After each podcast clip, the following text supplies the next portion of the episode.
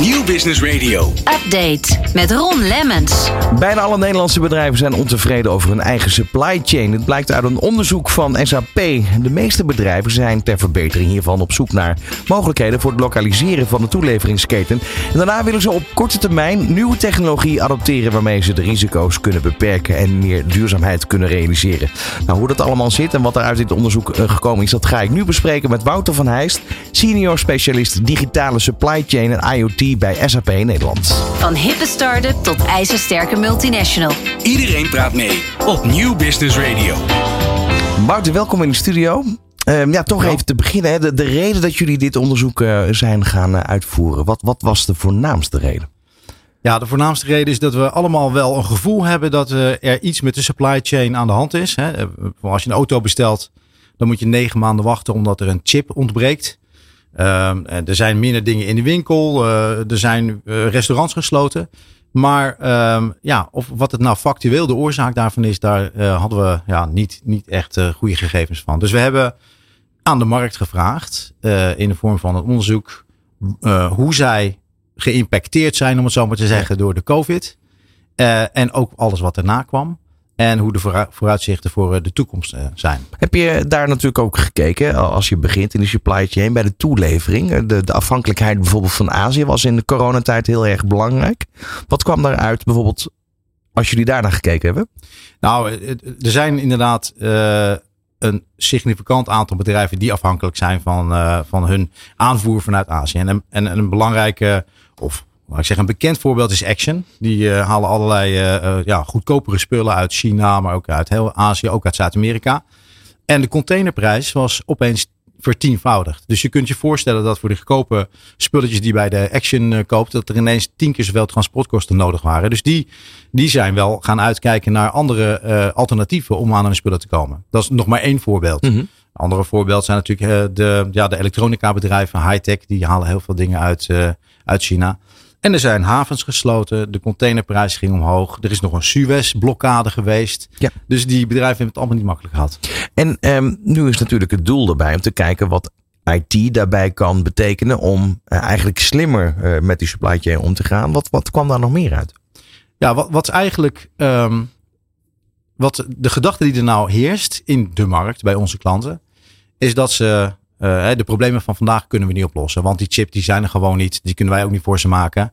Maar het gaat meer over hoe gaan we met die disrupties om in de toekomst. Hoe kunnen we nou onze supply chain weerbaarder maken? En dat, dat heet dan supply chain resilience. Hoe kunnen we daartoe komen? En daar is technologie wel een belangrijk onderdeel van. Want resilience en weerbaarheid begint allereerst bij inzichtelijkheid. Wat gebeurt er nou in die keten? Wat gebeurt er met mijn leveranciers? Wat gebeurt er in de markt? En door te zien wat er gebeurt, creëer je ook een venster van tijd voor jezelf om te na, na te denken hoe je dat hoe je dat gaat omzeilen, hoe je dat aan gaat pakken. Maar dat betekent wel dat die data in die hele supply chain uh, inzichtelijk moet zijn en iedereen daaraan mee moet werken. Precies, precies. En dat is ook waar wij uh, dan komen kijken. Wij uh, ja, we hebben de tooling, we noemen dat bijvoorbeeld business networks. Netwerken van bedrijven die met elkaar communiceren. een business netwerk moet je voorstellen dat het LinkedIn voor, voor, voor toeleveranciers is. Dus je, je zit op een platform en je zoekt elkaar op, je connect. En vanaf dat moment kun je al heel snel informatie gaan delen. Ja, dat is natuurlijk de vraag. Welke informatie wil men delen? Niet alle informatie wil men delen. Ja, er moet natuurlijk wel een soort van gewin ook voor de leverancier zijn.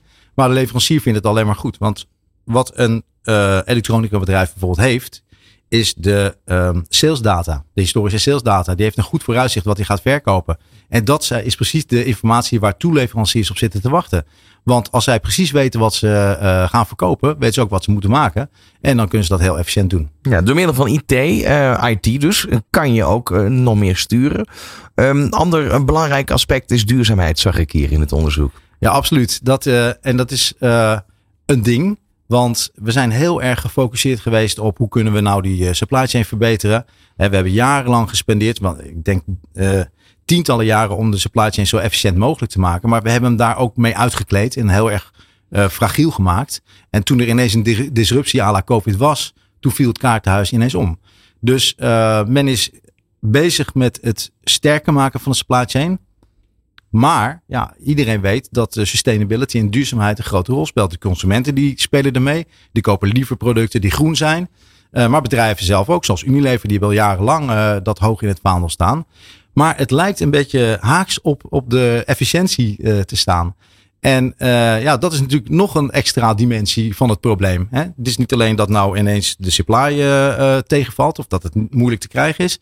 Maar er zijn ook allerlei spelregels rond duurzaamheid. Om hè, wetten die gemaakt worden. Dat je niet alle plastic overal neer mag gooien in de markt. Dus dat is een interessant speelveld. Ja, want nu, nu heb je het over die supply chain en over duurzaamheid. Dat is voor de consument heel erg interessant. Um, uh, sterker nog, de consument zou graag vaker willen zien waar de producten vandaan komen, waar ze geproduceerd worden. Dan heb je toch weer met het delen van data te maken. Ja, kom je weer daarop terug. Dus weer de integratie van uh, alle processen in de keten. Uh, en om het daardoor inzichtelijker te maken, zodat inderdaad jij weet als je een, een pak melk koopt, bij wijze van spreken, uit welke koe die komt. Ja, precies. En dat kan. En uh, zo kun je die complete inzichtelijkheid geven. Maar je kunt daar ook dus iets mee uh, leveren wat bijzonder is. Uh, wat zou daarbij de rol van de overheid kunnen zijn? Ja, dat vind ik een. Uh, dat komt ook uit het onderzoek. Dat de bedrijven sterk naar de overheid kijken. Van hey, hadden jullie niet iets kunnen doen om dit. Uh, kaders schetsen, bij wijze van ja, spreken, ja, afspraken met elkaar maken. Ja. Nou, ik zou het altijd jammer vinden als in, in, het, in het geval van duurzaamheid. Um, als de uh, overheid daar als scheidsrechter bij moet komen. Uh, dat gebeurt nu wel, want er komen wetgevingen over de hoeveelheid plastic die uh, de markt instuurt, over de emissies. maar ik had liever gezien dat bedrijven dat uit zichzelf of vanuit een consumentendrang zeg maar hadden gedaan. Maar dat blijkt niet genoeg te zijn. Dus bedrijven kijken nu naar de overheid om inderdaad een, een, een framework of regelgeving te maken die dat stimuleert. Maar ja, nu eindigen we weer met allerlei re regelgevingen en allerlei wetgevingen in verschillende landen. Dus de taak van de overheid is wellicht om dat ook af te stemmen op een internationaal niveau. Ja, dus dat moet gebeuren. Dat is overigens met internet ooit ook gedaan. Anders dan hadden we waarschijnlijk nu niet. Uh, nee, ja. is het nu niet gelukt. Dus ooit ja. gaat het gebeuren. Uh, maar daarnaast heb je de ontwikkeling van AI en machine learning. Wat kan dat nog toevoegen eigenlijk aan verbeterde supply chain? Nou, als je naar uh, de supply chain kijkt. Ik heb het net over visibility gehad.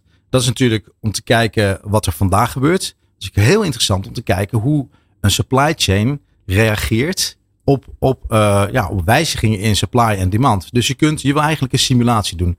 En daarom spreken wij van de digital supply chain twin. Het is een digital twin. Het is een soort virtueel netwerk.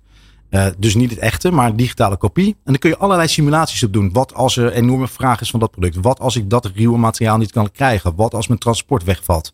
En uh, dat is de toekomst. Daar kun je mee predictive analytics mee doen. Dus je kunt op een predictieve manier dingen voorspellen. En met slimme algoritmes een oplossing zoeken. Um, dat, dat kan waarschijnlijk in de, uh, hoe de hele marktwerking gaat. Daar, daar kan je dat mee oplossen.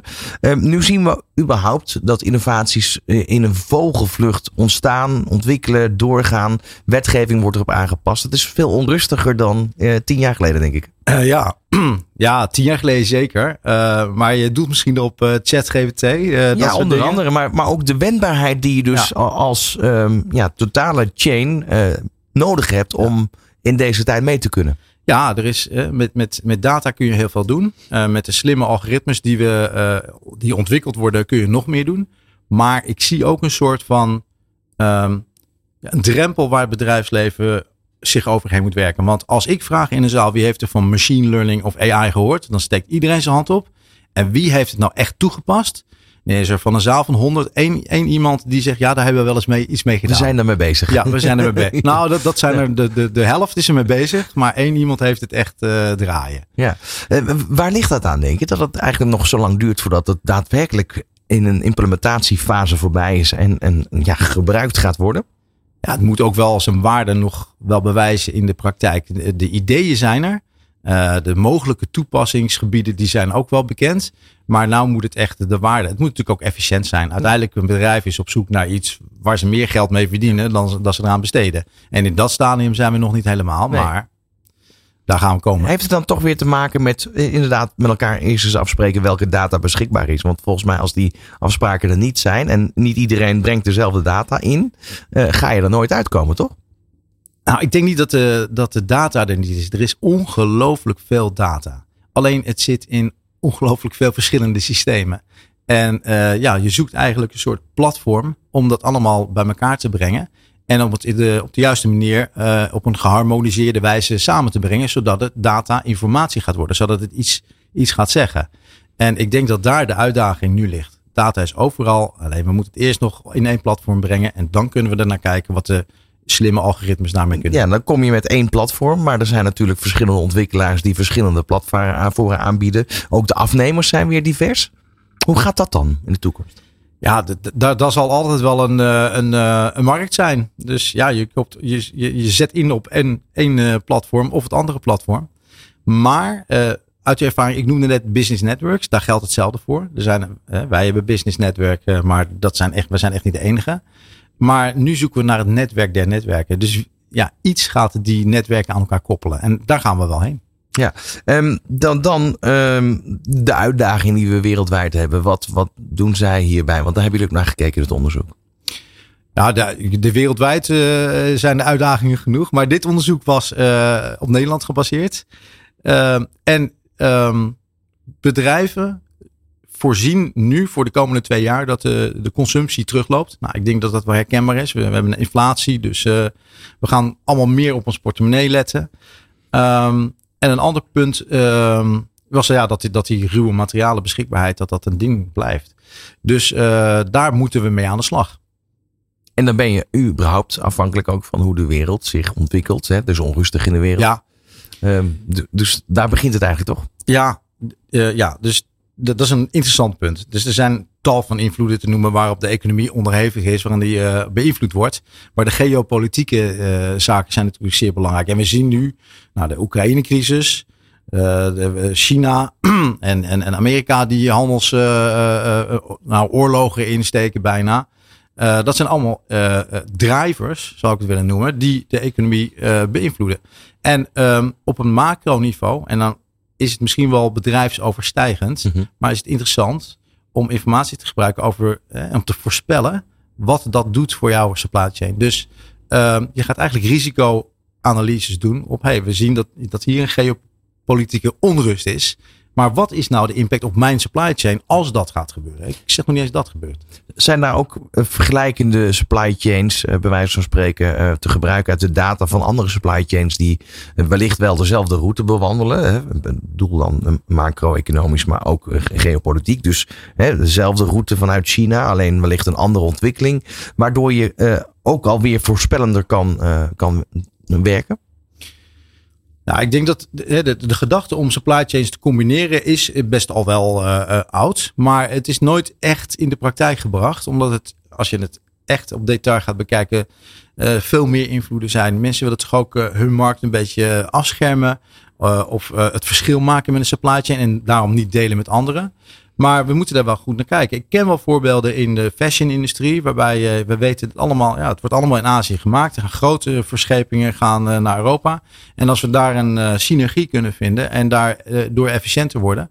Maar ik denk dat het daar ook, en dat is wel wat in die fashion gebeurd is, dat die um, duurzaamheid en de ethiek in die industrie ook samen aangepakt is. Dus het is niet alleen de supply chain die geoptimaliseerd wordt, maar ook hebben ze gekeken waar wordt het gemaakt en, en, en zijn daar kinderen uh, uh, bij uh, in het proces aanwezig of niet.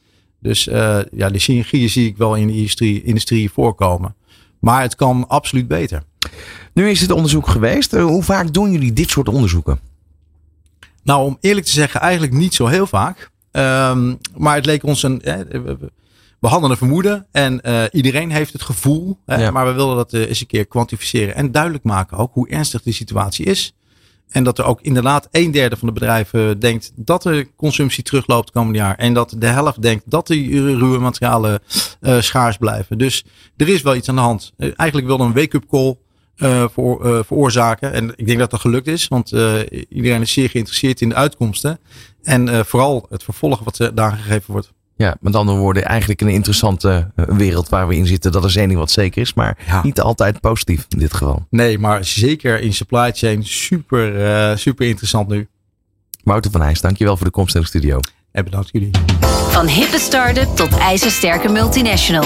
Iedereen praat mee op Nieuw Business Radio.